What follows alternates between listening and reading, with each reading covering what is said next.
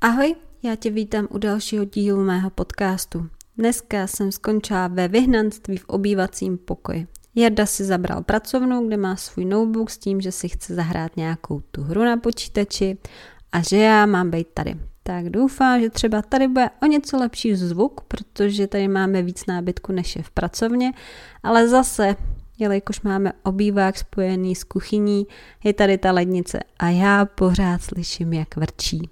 Takže doufám, že to neuslyšíte i vy na tom podcastu. Dnešní díl se bude věnovat tomu, jak vlastně začalo celé naše IVF. Vracíme se do roku 2019, konkrétně srpen, a my jsme vydovolenkovaný z návštěvy Londýna. Pro mě to byla druhá návštěva, jelikož jsem tam rok předtím byla s kamarádkou a pro Jardu úplně první. A nejvíc mi na tom bavilo, jak byl vyukaný z metra. On by se na první dobrou ztratil, když to já jsem byla docela ostřílená a věděla jsem hned, do jakého metra nastoupit.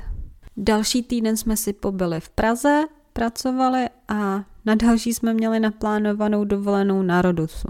Rodos jsme si opravdu užili. Pro mě to byla úplně první návštěva Řecka a klidně bych se tam jednou vrátila zase znova. Po návratu domů hlásek v hlavě mi našeptával, že třeba se to fakt na některé z těch dvou dovolených mohlo stát a že jsem třeba mohla opravdu otěhotnět. No, tak bohužel pouze našeptával a ono se to nestalo. 38. dostávám menstruaci. Byl to pátek, ideální den. Víte, jak se počítá první den cyklu v rámci IVF centra reprodukce? První den, kdy dorazí menstruace a přijde vám do 12, takže v dopoledne, tak je to vlastně první den. Pokud menstruaci dostanete až odpoledne nebo v podvečer, tak je to den nula. A až následující den je brán jako ten první. Teda alespoň takhle mě to vždycky vysvětovali v Prokrá. Naštěstí v Prokrá pracuji i v sobotu. A jelikož já jdu k přípravě na IVF, objednávají mě na sobotu paní primářce Polákové. Teďkon bych vám asi trošku vysvětlila IVF a nějaké ty slovíčka, která se tam nacházejí. A jak to vlastně všechno probíhá. Takže IVF je zkrátka in vitro fertilizace. A je to spojení vajíček odebraných u žen se spermiami muže v laboratorních podmínkách neboli na Petriho misce. Při hormonální stimulaci vajíčníků se snaží lékaři, aby u žen dozrálo co nejvíc folikulů. Ve folikulech se nacházejí vajíčka, se kterými se pak následně spermie spojí. Většinou se uvádí, že díky hormonální stimulaci by se mohlo vytvořit kolem 10 až 15 zralých vajíček. Ale každá žena reaguje jinak a může se stát, že žena s nízkým antimelanánským hormonem bude ráda za tři folikuly a jedno oplodněné vajíčko. Jiné se zas může stát to, že bude mít kolem 20 až 25. V tom případě velice často hrozí to, že u žen vznikne hyperstimulační syndrom neboli OHSS, ovariální hyperstimulační syndrom, takhle je to přesně. Tělo na hormonální stimulaci má bouřivou reakci, dochází k enormnímu zvětšení vaječníků a růstu folikulů. Projevy můžou být různé, ale nejčastěji se uvádí silné bolesti podbříšku, nevolnost a zvracení. Tento stav se může dostavit i před odběrem vajíček, ale častěji je to až po jejich odběru. Pokud žena zažívá takovéto bolesti, případně přidá se krvácení, měla by okamžitě jet do nemocnice na pohotovost, aby ji vyšetřili a případně podali léky. Při neléčení může jít ženě i o život.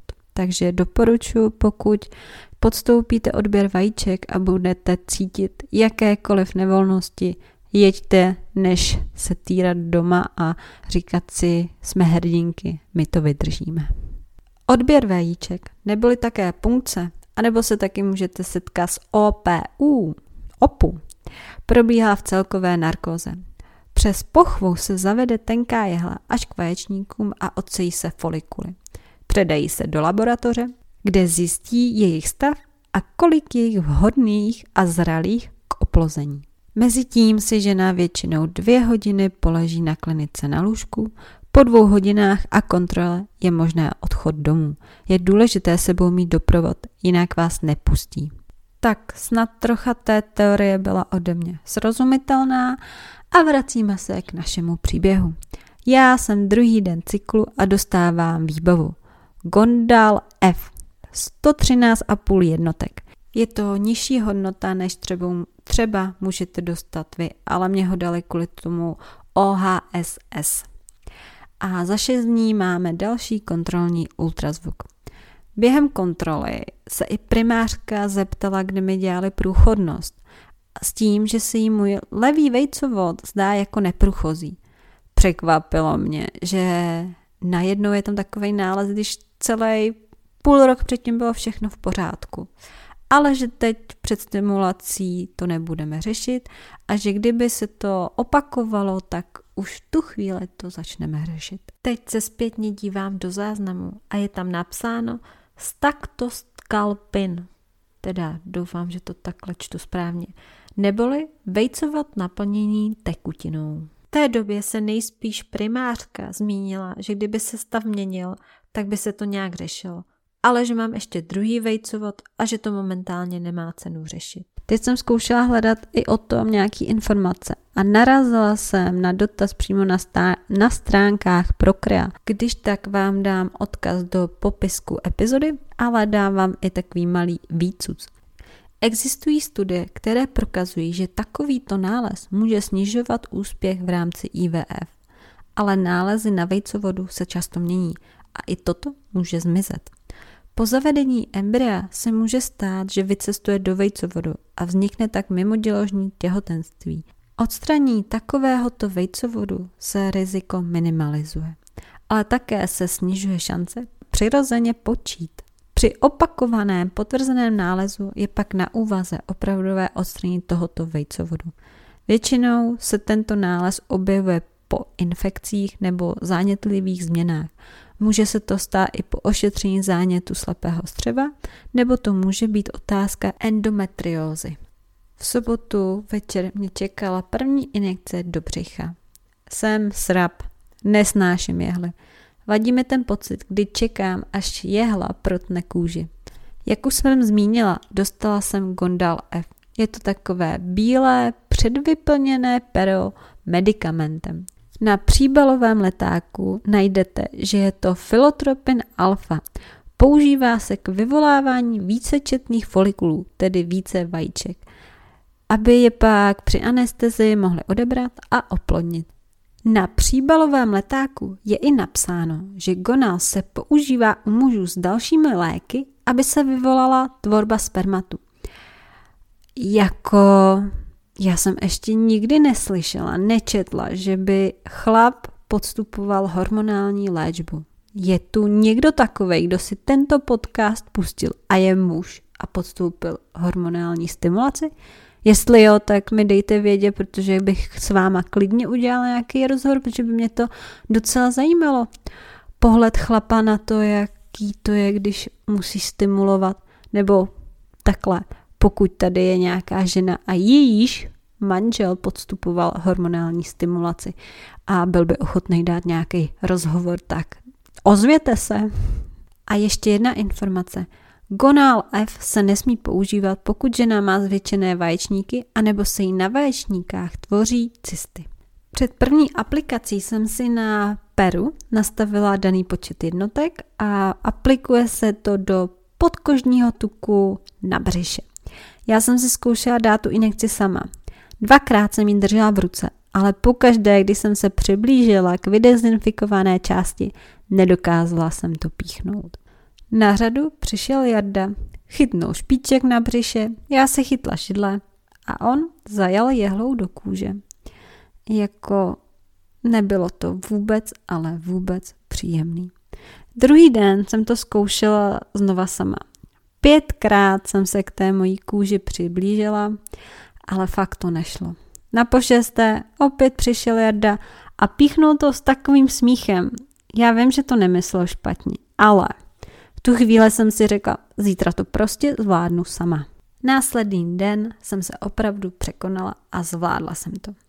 I když možná trošku špatně, neboť po vytáhnutí jehly mi zašla trošku týc krev. Od dalšího dne jsem teda věděla, že na to musím mít trošku jemněji, ne agresivně a zašlo to být o hodně lepší. Asi čtvrtý den jsem si všimla, že mi břicho zašlo trochu bobnatět.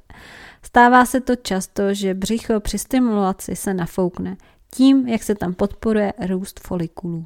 Na kontrolu jsem byla pozvaná sedmý den stimulace. Folikuly mi rostly, na jedné straně jich bylo 20 a na druhé 25. Přidala se mi další injekce.